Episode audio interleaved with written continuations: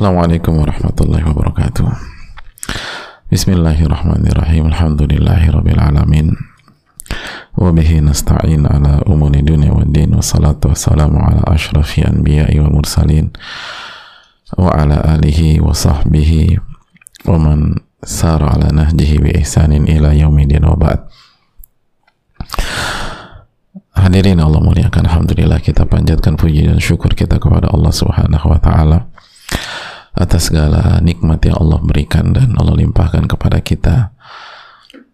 Nikmat ilmu, nikmat iman, nikmat sehat.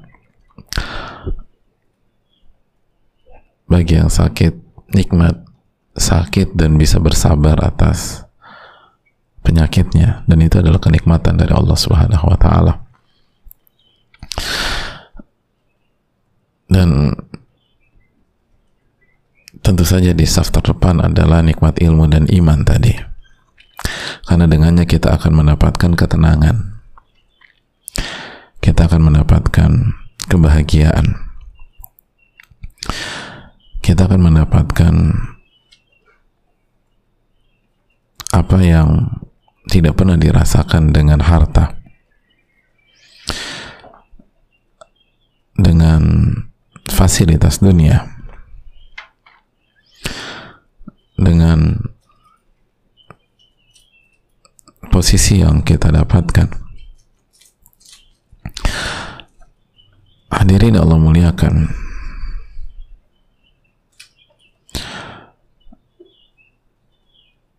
Makanya hadirin Allah muliakan para ulama kita mengatakan bahwa dengan belajar itu manusia menjadi hidup sebelum se setelah sebelumnya dia mati. Kata para ulama asbahal insanu hayyan ba'da an kana maita. Dengan belajar itu manusia itu jadi hidup.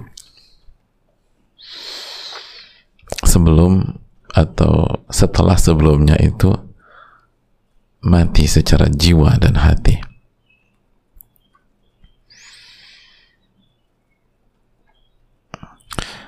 dan hidupnya itu penuh dengan cahaya.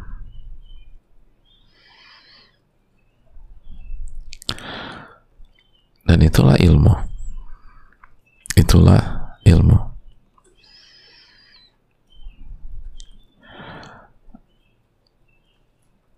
Makanya ilmu benar-benar ditekankan oleh para ulama. Kata Al-Hafidh Al-Hakami, Al-ilmu nurun mubinun yastadi'u bihi. Ahlu sa'adati wal juhalu fi dhulami. Ilmu itu cahaya yang terang cahaya yang terang.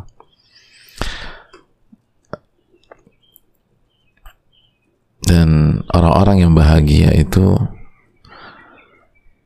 menggunakan cahaya itu untuk kebahagiaannya. Dan orang-orang bodoh itu untuk menghilangkan gelapnya kebodohan pun menggunakan cahaya tersebut yaitu cahaya ilmu.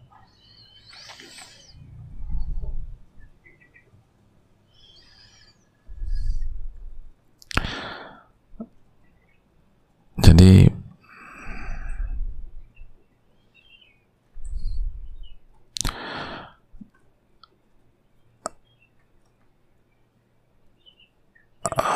hadirin Allah muliakan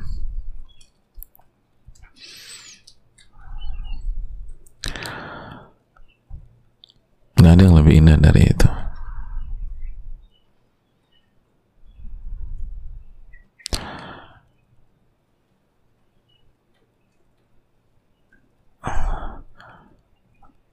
Makanya kata Imam Syafi'i yang paling nikmat itu begadang karena belajar. Belajar eh, begadang karena belajar. Menuntut ilmu beribadah. Itu yang paling nikmat kata beliau. Itu lebih nikmat daripada mendapatkan dunia. Makanya kita harus banyak bersyukur nih jamaah ketika kita diberikan kesempatan untuk belajar apalagi bersama salah satu kitab terbaik di dunia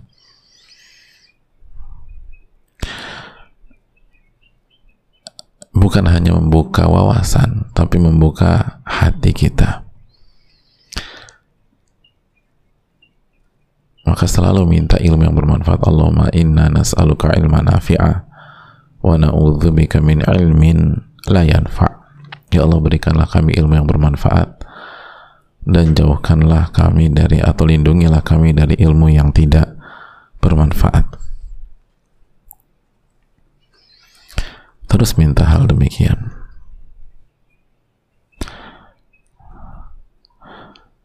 Karena itu yang akan membuat kita menikmati hidup. Sebagaimana jaga terus syahadatin kita jaga tauhid kita jaga komitmen kita dengan sunnah Nabi SAW lalu perbanyak salawat dan salam kepada Nabi kita Rasul kita Sayyidina Muhammadin sallallahu alaihi wa ala alihi wa sahbihi wa man sara ala nahjihi biihsanin ila yaumidin wa sallama tasliman kathira. Hadirin kembali bersama Imam Nawawi rahimahullah.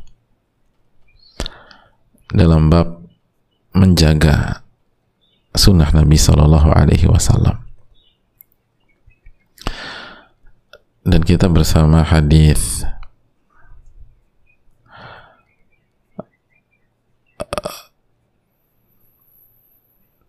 Abu Sa'id. Abdullah bin Mughaffal.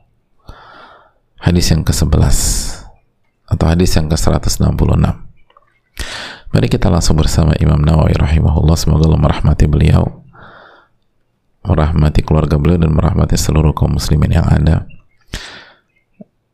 dan semoga Allah menyembuhkan seluruh kita yang sedang sakit pada kesempatan kali ini. Amin ya rabbal alamin. Hadirin Allah muliakan. An Abi Sa'id Abdullah bin Mughaffal. Imam Nawawi rahimahullah menyampaikan dari Abu Sa'id Abdullah bin Mughaffal. Qal Beliau menyampaikan Naha Rasulullah sallallahu alaihi wasallam anil khadf anil khadfi Rasulullah Sallallahu Alaihi Wasallam melarang dari khadaf anil khadfi jadi Rasulullah Sallallahu Alaihi Wasallam melarang dari perbuatan khadaf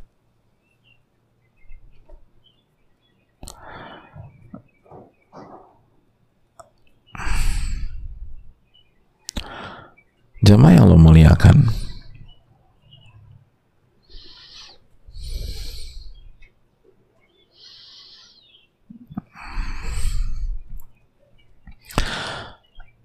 Timbul pertanyaan apa sih itu khadaf? Nanti kita jelaskan.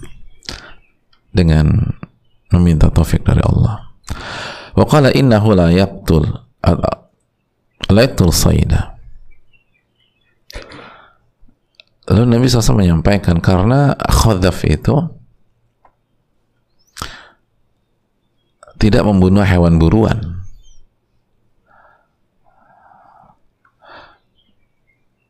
Wala yanka al aduwah dan juga tidak bisa melumpuhkan musuh. Nggak bisa mengalahkan musuh. Wa innahu yafqa'ul ain namun ia hanya bisa membutakan mata wa yaksiru sin dan bisa mematahkan gigi. Ada surat Imam Bukhari dan Muslim. Lalu dalam riwayat yang lain, jadi kita ulang dulu ya. Uh, apa? Nabi melarang dari khodaf dan memang dia belum memberikan alasan khodaf itu pakai kha ya. Khadaf itu tidak bisa membunuh hewan buruan. Nggak bisa melumpuhkan musuh. Nggak namun hanya bisa membutakan mata dan mematahkan gigi. Dalam riwayat yang lain anna qariban li bani mughaffal khadhafa ada seorang kerabat Abdullah bin Mughaffal itu melakukan khadhaf fanahahu. Lalu dilarang sama Abdullah bin Mughaffal. Wa qala inna Rasulullah sallallahu alaihi wasallam naha 'anil khadhaf sesungguhnya Rasulullah SAW menaha, melarang kita dari khadhaf wa qala innaha la tasidu sayda. Dan Rasulullah SAW pun menyampaikan bahwa khadaf itu nggak bisa untuk membunuh hewan buruan. Jadi nggak bisa digunakan untuk berburu. Thumma ada faqal. Eh kerabatnya ini kembali melakukan khodaf hadirin. Kan dilarang nih. Diulang lagi sama saudaranya ini sama kerabatnya. Khodaf lagi. Padahal Abdullah bin Ghafal udah mengatakan Nabi SAW melarang khodaf eh kerabatnya khodaf lagi. Faqala uhadithuka anna Rasulullah SAW naha anhu thumma utta takhlif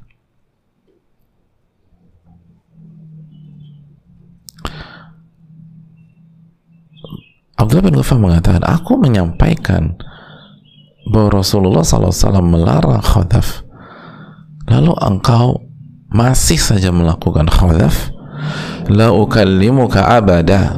Aku nggak mau bicara denganmu selama-lamanya. Aku nggak mau bicara denganmu selama-lamanya. Hadis surat Imam Bukhari dan Muslim.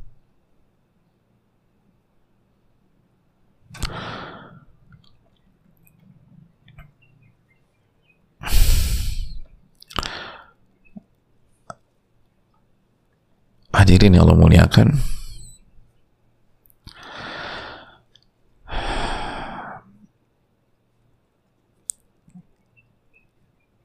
Kita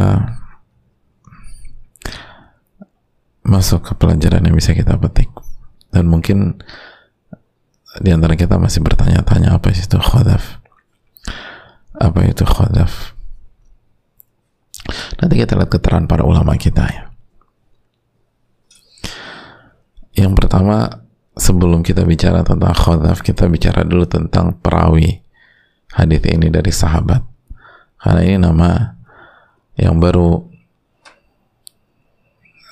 baru bersama kita di hadis Riyadus Salihin.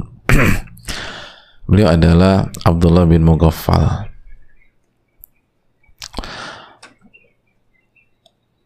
Kunyah beliau Abu Sa'id.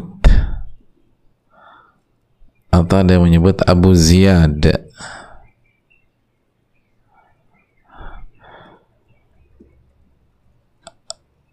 Dan Abdullah bin Mughaffal ini jamaah ini beliau dan ayahnya adalah sahabat Nabi SAW. Jadi Abdullah bin Mughaffar radhiyallahu taala anhuma itu beliau dan ayahnya adalah sahabat Rasulullah wasallam. Dan ayahnya wafat sebelum Fatu Makkah radhiyallahu taala anhu. Jadi beliau dan ayahnya siapa ayahnya? Mughaffal.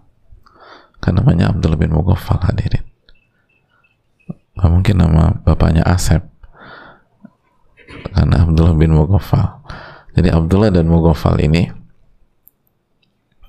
ayah sama anak ini sahabat Nabi Wah ini penting keberadaan ayah yang beriman, ayah yang soleh, ayah yang bertakwa. Itu sangat sangat mempengaruhi tumbuh kembang seorang anak.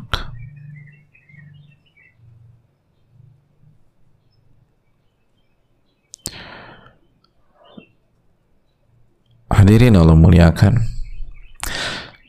Dan Abdullah bin Mughaffal itu mengikuti berbagai macam peperangan dengan Nabi SAW. Dan di antaranya beliau mengikuti Hudaybiyah. dan di antara sosok yang berbaiat dengan Nabi SAW dan beliau sangat mencintai Rasulullah SAW dan berusaha berkhidmat dengan Rasulullah SAW jadi berusaha melayani berkhidmat dengan Rasulullah SAW pada waktu bayat itu beliau menyampaikan begini inilah akhudhu bighasni min bighasnin min aghsani syajarah. Udhallilu bihin nabiyya sallallahu alaihi wasallam wa hum yubayi'unahu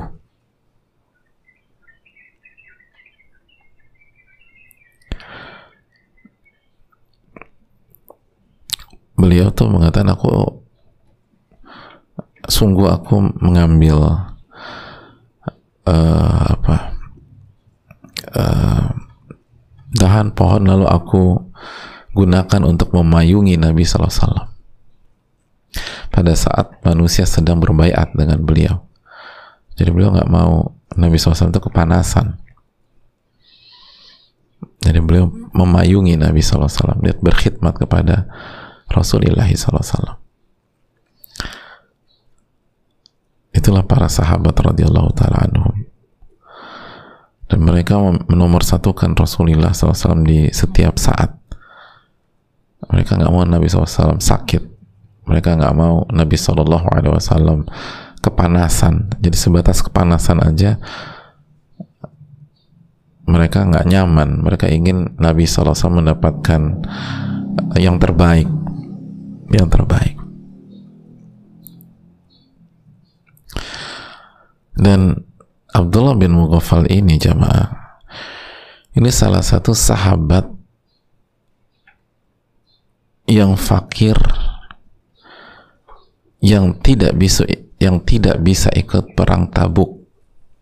Yang ketika Nabi SAW mengumumkan beliau akan berangkat ke Tabuk menghadapi Romawi, maka sebagian orang miskin datang ke Rasulullah SAW. Jadi Nabi kedatangan tamu orang-orang miskin dan meminta Rasulullah SAW untuk mensponsori mereka untuk memberikan uh, perlengkapan agar mereka bisa ikut berjuang dengan Nabi SAW.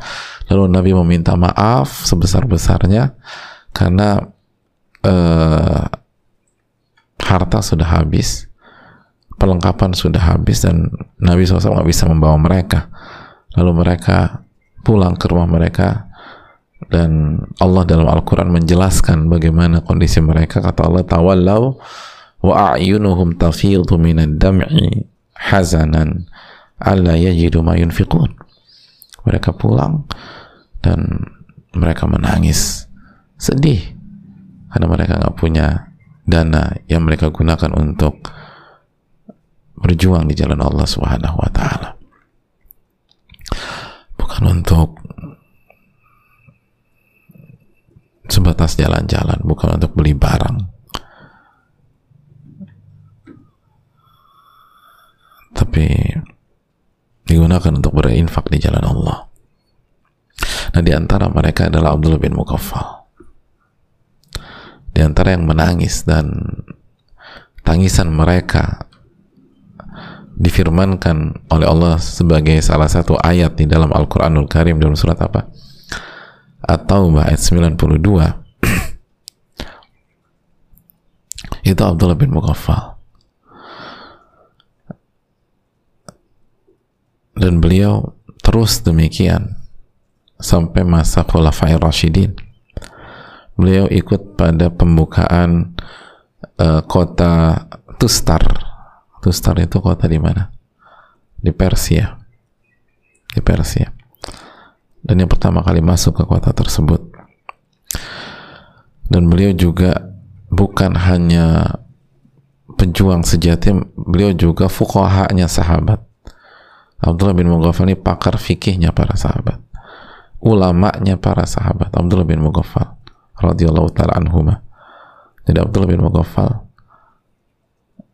adalah ulamanya para sahabat dan beliau adalah satu di antara sepuluh orang yang diutus oleh Umar bin Khattab radhiyallahu taala anhu ke Basrah untuk mendidik mereka dan mengajarkan ilmu kepada penduduk Basrah.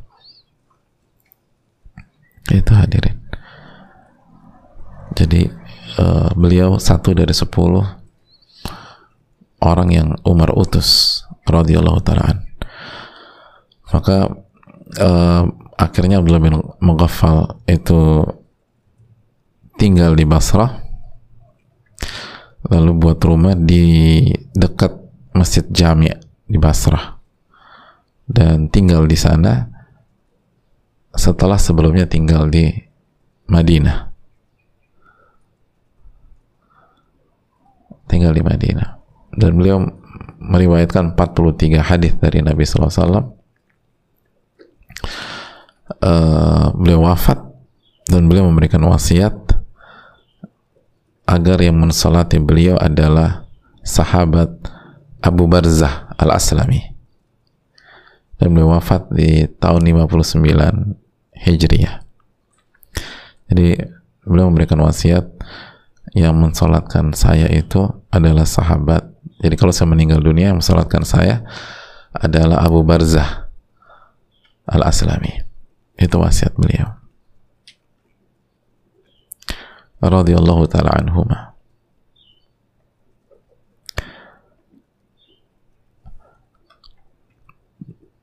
Sekali lagi seorang pencinta Nabi SAW seorang yang berkhidmat kepada Rasulullah SAW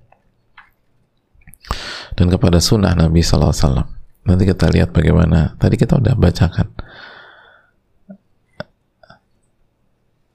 Bagaimana beliau tegas sekali dengan kerabat beliau sendiri yang nggak menggubris sunnah Nabi SAW ini pencinta Nabi SAW sejati ini jamaah.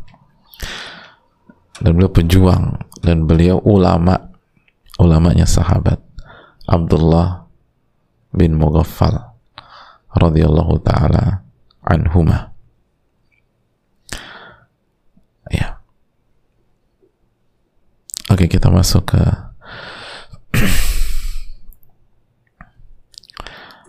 uh, hadis ini dengan meminta taufik dari Allah Subhanahu wa taala. Hadirin Allah muliakan. Abdullah bin Ghafal menjelaskan bahwa Rasulullah SAW melarang melarang kita untuk melakukan khadaf melakukan khadaf. Apa itu khadaf hadirin? Khadaf itu dijelaskan para ulama kita ambil satu contoh saja. Al-Azhari menyampaikan ar-ramyu bil hasa as-sighari bi atrafil asabi' al al khadaf itu apa? Bil hasa sigar bi atrafil asabi. Melempar batu kecil atau kerikil dia melempar batu kecil atau kerikil dengan jari.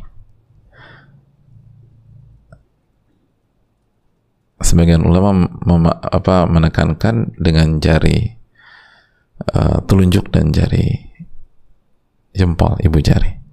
Tapi sebagian mengatakan pokoknya dengan uh, jari. Biatrafil asabi di ruas atas jari-jari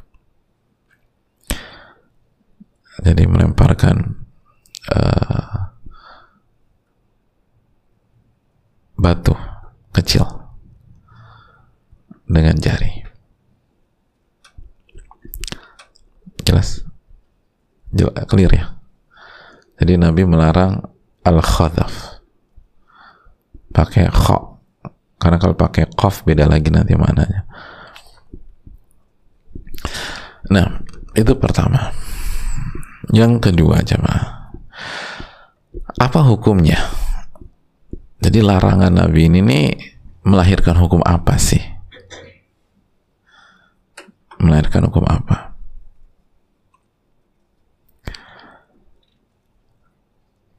Jamaah Allah muliakan.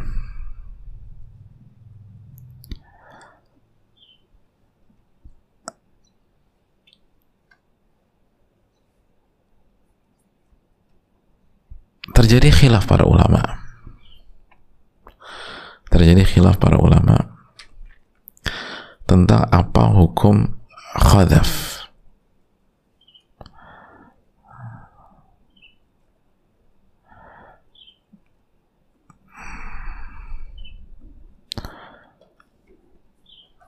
Sebagian ulama ada yang mengharamkan secara mutlak. Mengharamkan secara mutlak.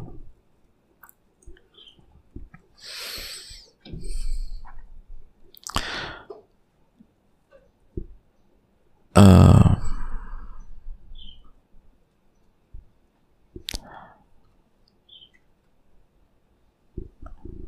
di antaranya keterangan Al-Qadi Iyad. Beliau menyampaikan naha anil khadaf li'annahu laysa min alatil harbi allati yataharrazu biha wala min alatil said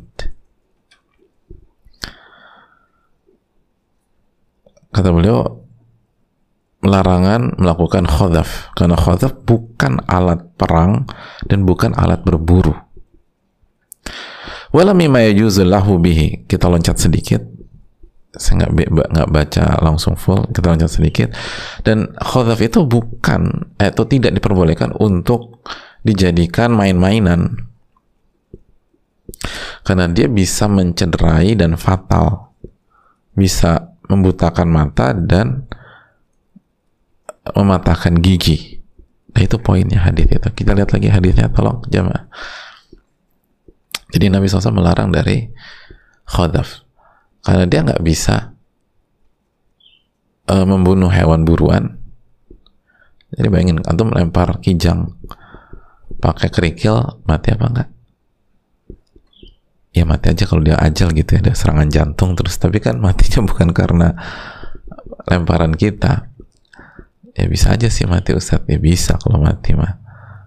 Tapi pas dicek dokter hewan ternyata kena serangan jantung ini. Jadi tapi ini enggak jadi hewan juga enggak enggak apa enggak jatuh enggak enggak enggak, enggak membuat terus kalau dipakai melawan musuh juga enggak efektif. Masa musuh dilumpuhkan dengan lemparan batu? Enggak efektif. Secara umum begitu kan? Gitu loh. Makanya tentara kan di apa di persenjataan misalnya AK-47 dan lain-lain. Kerikil nggak efektif. Tapi di sisi lain dia bisa tadi lihat hadisnya apa dia bisa membutakan mata dan bisa mematahkan gigi. Jadi maksudnya itu tadi kata al-qadiyat ini kalau uh, oke okay, kalau nggak di kalau nggak dipakai buat berburu nggak dipakai buat uh, melawan musuh berarti dipakai buat apa? Buat main-main aja seru-seruan. Nah itu bahaya gitu loh kalau main lempar-lempar kerikil itu bisa kena mata buta kena gigi patah gitu loh oleh karena itu dilarang oleh para ulama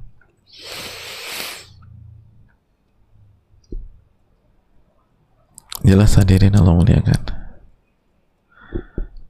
Namun, Allah Ta'ala bisa yang lebih tajam dan lebih kuat adalah keterangan para ulama seperti Al-Imam An-Nawawi rahimahullah ta'ala.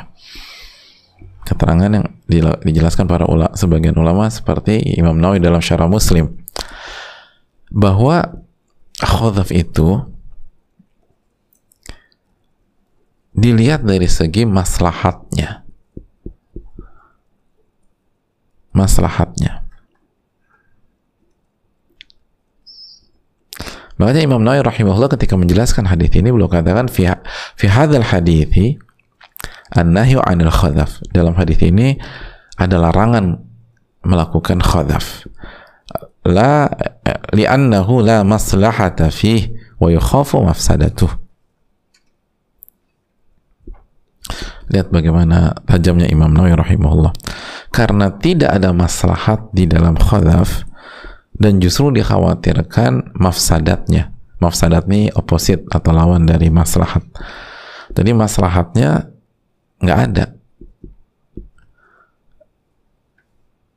Secara umum nggak ada. Justru sebaliknya, dikhawatirkan ada mafsadat. ويلتحق به كل ما شاركه في هذا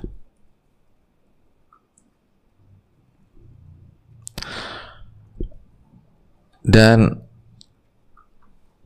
semua yang semakna dengan khodaf dihukumi sama.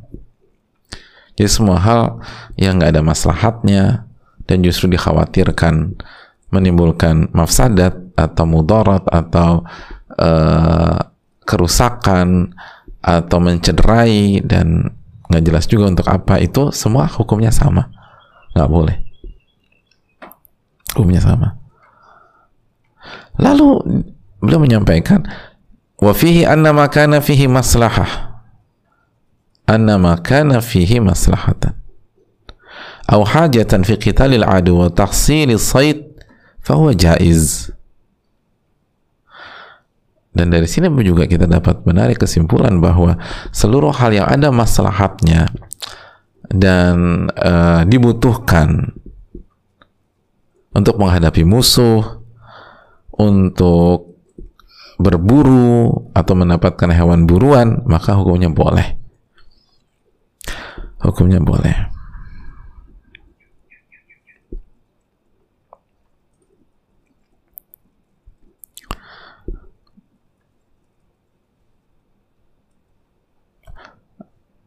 makanya para ulama membolehkan melempar uh, burung dengan sesuatu tidak membunuh tapi burungnya itu jatuh lalu habis jatuh disembelih. Gitu. Loh jadi nggak membuat burung itu terbunuh tapi membuat burung itu jatuh. Lalu habis pas jatuh masih hidup nih disembelih. Itu maslahat. Walaupun tidak membunuh burung tersebut. Kan tadi kan hadis itu mengatakan nggak membunuh binatang buruan. Jadi maksud membunuh binatang buruan itu nggak ada maslahatnya tapi kalau ada maslahatnya itu dibutuhkan maka boleh.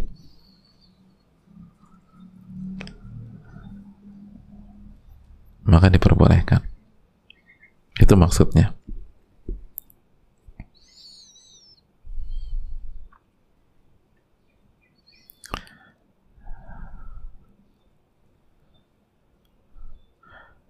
Itu poin. Makanya uh, ini juga kesimpulan Al-Hafidh Ibnu Hajar. Salah satu ulama syafi'iyah juga. Beliau menyampaikan bahwa perinciannya adalah fa in kana al-agla fi hali rami ma dzukira fil hadith imtana.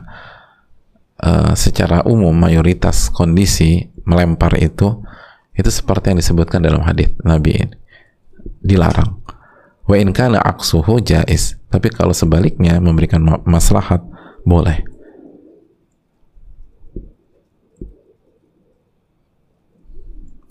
Diperbolehkan.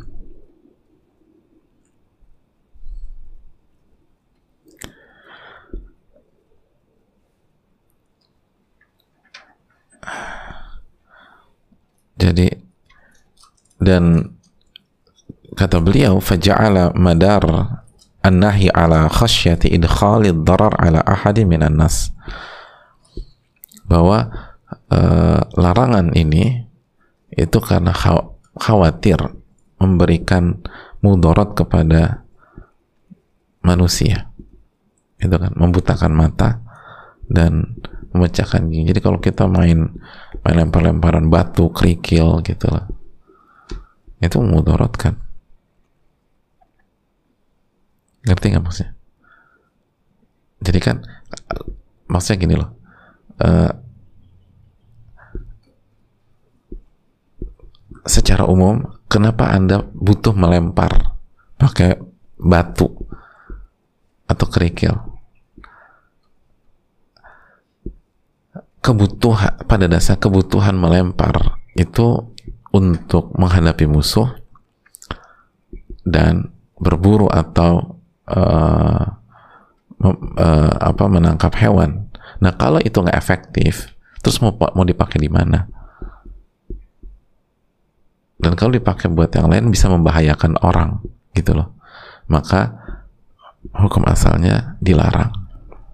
Tapi kalau ternyata kita butuh ada maslahatnya untuk melempar batu dengan kerikil itu, eh batu dengan kerikil sama aja, ya.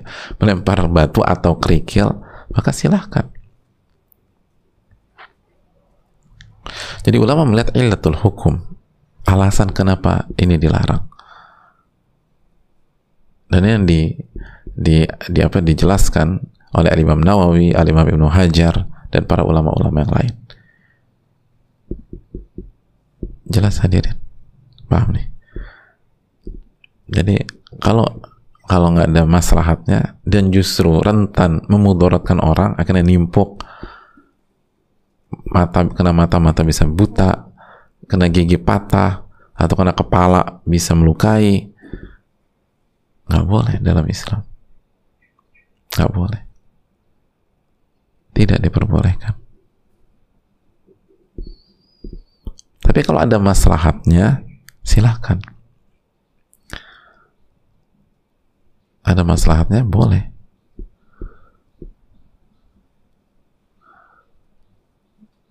misalnya ada orang nyerang antum terus nggak punya senjata apa pun. Yang ada cuma batu-batu kerikil aja ya udah timpukin aja. Itu masuk ke dalam bab daf'us sa'il. Kalau kita diserang sekali lagi apalagi dia bawa senjata bawa pisau misalnya kalau dia mendekat repot urusannya. Ya udah jangan sampai dia dekat yuk tem apa namanya lempar-lemparin aja sampai dia nggak mendekat sampai dia kabur. Bisa dipahami ini? Jadi lihat maslahatnya.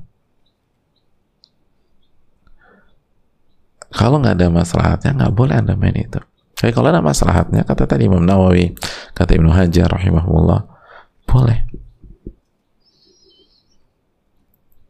Dan ini memperkuat keterangan para sebagian ulama usul fikih dan ulama maqasid seperti Asy-Syatibi rahimahullah bahwa pada dasarnya hukum-hukum yang non ibadah mahdoh itu kita lihat ilatnya. Kita lihat alasan hukumnya. Karena itu bukan ritual gitu. Ya yang gue rumah ma'qulatil makna ritual yang di atas kemampuan akal kita. Walaupun e, berbicara tentang ilatul hukum atau alasan hukum itu harus kembali ke pakar. Nggak bisa kita baru-baru belajar. Yang penting ilatnya yang penting kan alasannya. Tenang dulu sabar. Jangan sampai kita salah nih. Ini bicara hukum Allah. Kita lihat keterangan para ulama dulu. Karena sering kali kita terburu-buru. Dan dari sini kita bisa mendapatkan pelajaran berharga bahwa mengkaji hadis itu butuh keterangan para ulama. Butuh keterangan para ulama. Kalau kita main asal baca Riyadus Solin misalnya ketemu hadis ini kan bingung khodafnya apa? Terus cek di kamus misalnya atau oh melempar dengan batu atau kerikil. Oh berarti nggak boleh haram. Ini hadisnya. Oh, iya ya tapi lihat keterangan para ulama. Keterangan para ulama seperti apa keterangan para sahabat, para tabi'in, para tabi'ut tabi'in. Memahami dalil itu butuh kaidah yang telah digariskan oleh para ulama kita dan terus sanat mereka bersambung ke uh, tabiut tabiin ke tabiin ke sahabat lalu ke Nabi SAW makanya saya ingat nasihat dari salah satu masyaikh salah satu pakar fikih. Syekh Abdul Salam Ashwair Syekh Abdul Salam Ashwair hafizahullah ta'ala. Dan beliau pengisi di Masjidil Haram. Beliau katakan usahakan antara anda dengan dalil itu ada ulama. Ada ulama. Sahabat, tabi'in, tabi'ut tabi'in. Maksudnya apa? Maksudnya jangan memahami dalil itu dengan pemahaman kita sendiri. Tapi kita harus memahami dalil itu dengan keterangan para ulama.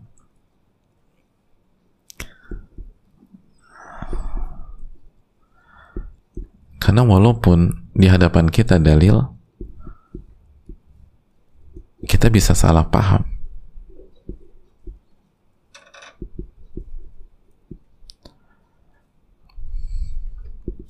Kita bisa salah paham.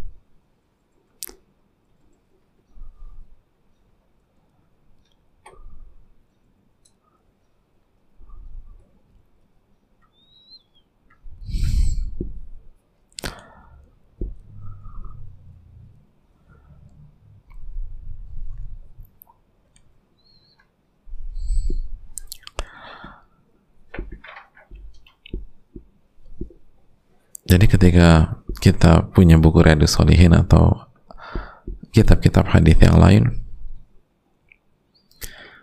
kita harus kembalikan ke keterangan para ulama. Apa kata Imam Nawawi? Kata apa kata Ibnu Hajar? Apa kata Aimatul Arba? Dan mereka itu menggunakan dalil juga. Artinya mereka nggak pakai pemikiran mereka pribadi mereka mendapatkan keterangan itu dari guru-guru mereka. Terus sampai tadi tabiut tabiin lalu tabiin lalu sahabat sahabat ke Nabi SAW itu hadirin.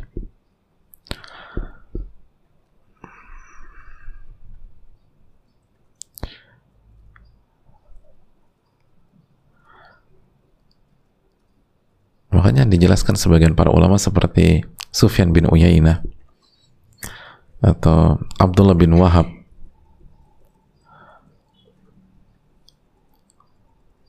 Kalau pakai bahasa kita nih orang itu bisa salah. Walaupun berargumentasi dengan hadis kecuali para fukoha kecuali para ulama.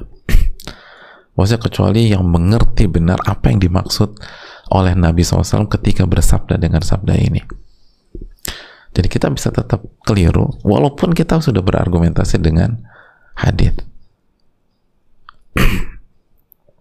Kecuali para fukoha kata Sufyan bin Uyainah ulama besar ulama klasik besar. Maksudnya kecuali ulama yang mengerti apa pesan dan yang dimaksud oleh Nabi SAW ya jangankan itu kita aja nih di di apa di lingkungan lingkungan keseharian. Padahal bos kita tuh bicara depan mata kita. Itu aja kita bisa salah paham. Terus dikoreksi sama teman kita. Mas bro bukan itu maksud bos. Eh bukan itu. Bukan. Maksud bro tuh begini begini begini begini. Uh, yang benar. Oh iya. Kok bisa tahu? Saya ini sama bos itu udah 20 tahun mas bro. Udah ngerti apa yang beliau maksud kalau beliau bicara A apa yang beliau maksud kalau beliau bicara dengan ini. Mas kan baru di sini baru dua bulan ya perlu waktu lah. Itu hadirin. Itu biasa dalam pergaulan. Padahal kita dengar langsung di depan mata kita kalau pakai ilmu hadis tuh sanatnya ali itu langsung. Tapi apa pemahamannya apalagi kalau kita itu tadi nggak ngerti bahasa Arab lalu Al-Quran dan Sunnah dengan bahasa Arab. Dan juga butuh keterangan para ulama. Allah Ta'ala misal dan itu yang dikatakan itu metode para ulama-ulama klasik kita.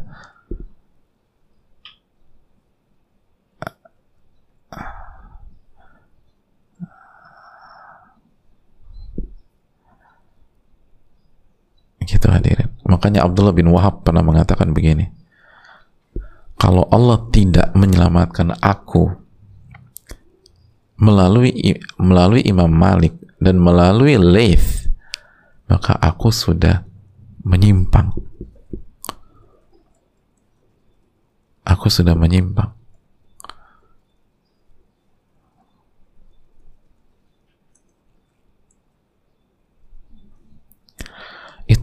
ada orang yang bingung kok bisa? Karena Al Imam Abdullah bin Wahab ini sosok yang sangat mencintai dalil. Lalu beliau mengatakan iya karena aku tidak mengerti sebelum dulu ya beliau cerita. Karena dulu aku tuh nggak ngerti apa maksud dari hadis ini apa maksud dari hadis itu dan aku baru mengerti ketika dijelaskan oleh Imam Malik dan Imam Laith gitu jamaah. Jadi benar nih hadisnya ada depan aku. Tapi aku nggak ngerti apa maksudnya. Kalau Allah tidak menyelamatkan aku melalui guruku Imam Malik melalui Imam Laith yang menjelaskan gini loh pemahamannya begini loh maksudnya maka aku menyimpang nih gitu kata beliau. Allah taala bisa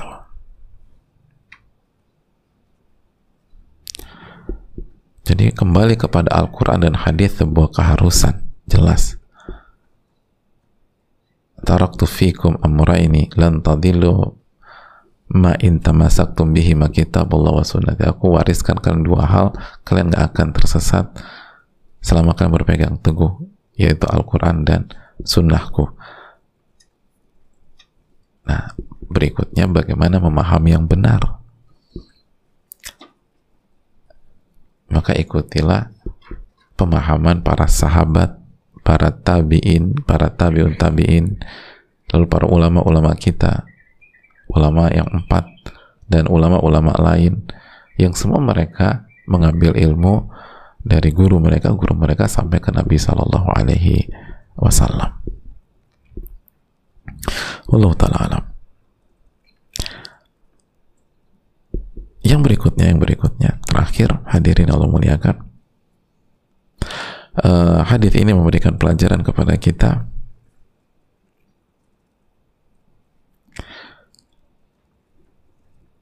bagaimana para sahabat mencintai Nabi SAW dan sunnah beliau. Dan berusaha mendidik orang lain untuk mencintai dan eh, mencintai Nabi SAW dan sunnah Nabi SAW sebagaimana yang dilakukan oleh Abdullah bin Mughaffal ketika salah satu kerabatnya tetap kekeh melakukan khadaf yang nggak ada maslahatnya. Lihat kita udah bicara konteks hadis ini adalah kalau nggak ada maslahat. Kalau nggak ada uh, apa namanya kalau nggak ada tujuan dan justru akhirnya nanti merugikan merugikan orang melukai orang membuat buta mata orang membuat orang sakit nanti giginya patah dan lain sebagainya itu konteks hadis ini kan sebagaimana dijelaskan Imam Nawawi, Al Imam Ibnu Hajar dan para ulama yang lain. Nah, ketika kerabat beliau melakukan khadaf melempar dengan batu kerikil dalam konteks seperti ini, maka beliau ingatkan Nabi larang loh gitu loh. Eh tidak digubris tidak ditanggapi tetap aja pakai khadaf maka Abdullah bin Mughaffal radhiyallahu taala anhuma mendiamkan dalam rangka mendidik kata para ulama. Dalam rangka takzir bukan memutuskan tali silaturahim bukan.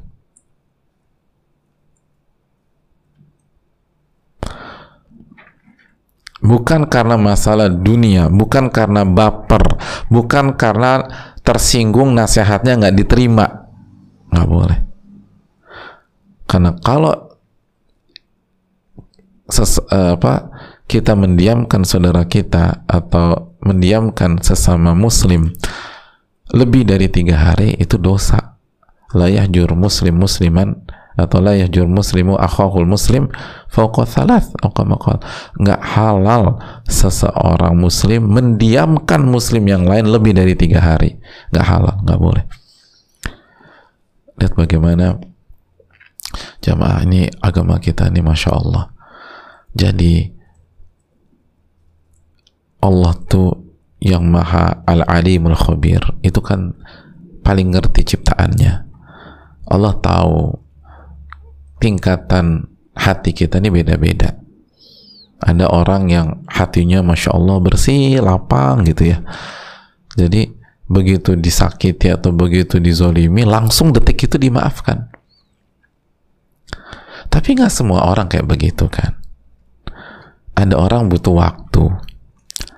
Ada orang butuh momen menenangkan diri. Aku butuh waktu. Nah Allah kasih waktu. Tapi bukan tiga bulan jamaah. Bukan satu tahun nggak tegor-tegoran Allah kasih waktu tiga hari. Ah itu. Tiga hari. Oke anda butuh menenangkan diri tiga hari. Masuk hari keempat harus sapa-sapaan lagi. Harus komunikasi lagi. Gitu. Itu hadirin. Nah ini jika urusannya urusan dunia. Hmm, urusan pribadi. Nggak boleh lebih dari tiga hari kata para ulama tapi kalau urusannya untuk membela hak Allah hak Rasulullah SAW dalam rangka mendidik, dalam rangka mengedukasi, maka boleh lebih dari tiga hari. Asal jujur ini dalam rangka mendidik, dalam rangka mengedukasi, dalam rangka menghukum agar seseorang berubah, menghukum agar seseorang berbuat takzir hukuman agar orang ini berubah. Dan kita akan bertanggung jawab di hadapan Allah. Gitu loh. Benar nggak? Jujur nggak kita ketika diamkan orang karena alasan itu? Atau karena baper tapi packagingnya uh, ini untuk edukasi. Tapi baper sebenarnya. Nah hadirin Allah muliakan ini diperbolehkan dan dalilnya banyak. Contoh pak di masa Nabi dan sahabat lebih dari satu dua contoh. Di antaranya Abdullah bin Mughaffal ini mendiamkan kerabatnya. Di antara yang lain apa? Kaab bin Malik masih ingat 50 hari di atas tiga hari 50 hari. Dan Nabi nggak benci sama Kaab Nabi sayang. Masih ingat ketika Kaab sholat lalu Nabi SAW perhatikan karena sayang. Lalu ketika Kaab curi-curi pandang Nabi buang muka lagi Nabi sayang Sallallahu Alaihi Wasallam jadi ini dalam rangka bukan membenci secara personal, baper secara personal, tersinggung secara personal, bukan Abdul bin Ghafal nggak demikian rahim uh, radhiyallahu taala anhuma. Bagaimana beliau ulama sejati, beliau pejuang, beliau siap ditempatkan di mana-mana, disuruh Umar ke Basra, beliau berangkat ke Basra.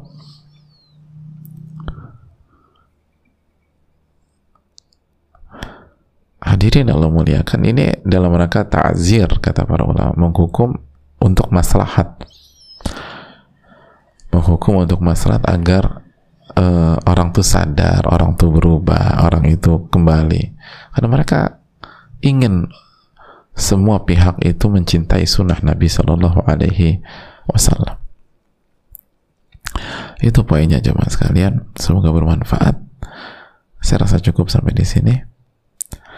Uh, kita buka sedikit waktu untuk sesi tanya jawab. Wassalamualaikum warahmatullahi Muhammad. Uh, Assalamualaikum warahmatullahi wabarakatuh. Waalaikumsalam warahmatullahi wabarakatuh. Mohon maaf Ustadz, saya mohon pencerahannya. Uh, istri saya selalu mengikuti kajian Ustadz, tapi yang saya bingung, hal itu sama sekali tidak melembutkan hatinya. Ya, terima kasih atas uh, pertanyaannya. Hadirin yang Allah muliakan, hal hal-hal seperti ini hendaknya jadi bahan introspeksi bagi kita semua, baik yang bicara maupun yang mendengarkan. Ya kita semua. Yang pertama yang bicara harus lebih uh, terus mengintrospeksi diri harus menjaga diri dari ketidakikhlasan dan lain-lain. Harus lebih uh, berjuang untuk ikhlas dalam menyampaikan dan lain-lain. Itu dari segi yang menyampaikan dan yang berbicara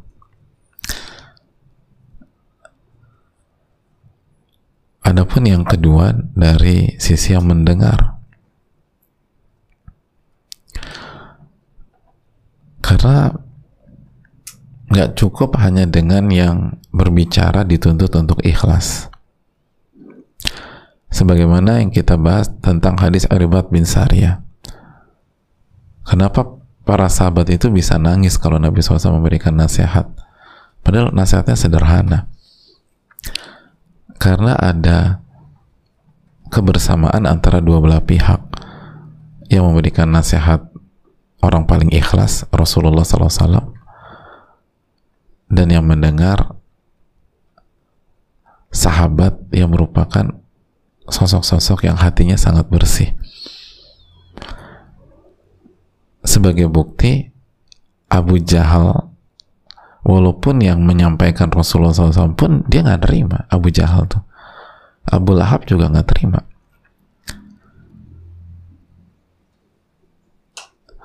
Makanya Allah berfirman dalam surat Al-Qasas ayat 56 innaka la tahdi man ahbabta walakin Allah yahdi man yasha. Allahu a'lamu bil muhtadin. Sesungguhnya engkau tidak bisa memberikan hidayah taufik bagi orang yang engkau cintai wahai Muhammad. Namun Allah yang memberikan hidayah taufik kepada orang yang Allah inginkan. Dan Allah yang paling tahu siapa yang paling berhak dapat hidayah. Jadi seluruh ustadz, seluruh kiai, seluruh ulama itu nggak punya hidayah taufik yang bisa membuka hati orang. Tugas mereka hanya menyampaikan dengan berusaha seikhlas mungkin dan berusaha sehikmah dan sebijak mungkin. Diterima atau tidak diterima, diamalkan tidak diamalkan, maka itu dikembalikan ke taufik Allah Subhanahu wa taala, hidayah taufik. Tapi Allah kan nggak mungkin zolim. Allah tahu siapa yang paling berhak dapat hidayah. Berarti ada masalah kalau kita nggak dapat hidayah. Makanya hadirin Allah muliakan, ulama selalu mengingatkan kita, dan ini yang berusaha kita ulang dengan segala keterbatasan kita, bahwa pentingnya mencari ilmu yang bermanfaat. Bukan hanya ilmu yang banyak-banyakan. Kita sering kali menyampaikan nasihat Imam Syafi'i rahimahullah. Al ilmu ma nafa' wa laysa ma ilmu itu yang bermanfaat bukan yang sekedar dihafal. Bukan yang sekedar dihafal itu yang bermanfaat Jadi hadirin Allah muliakan. Coba kita renungkan apa niat kita ketika ikut kajian.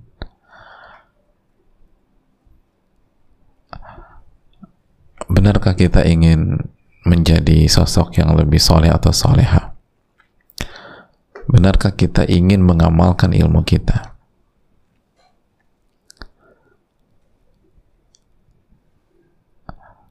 Buka, eh, benarkah kita ingin uh, menjadi lebih bertakwa, lebih takut kepada Allah. Atau kita hanya ikut figur tertentu saja. Bukan ke ilmu dan hidayahnya. Ini yang perlu kita renungkan. Karena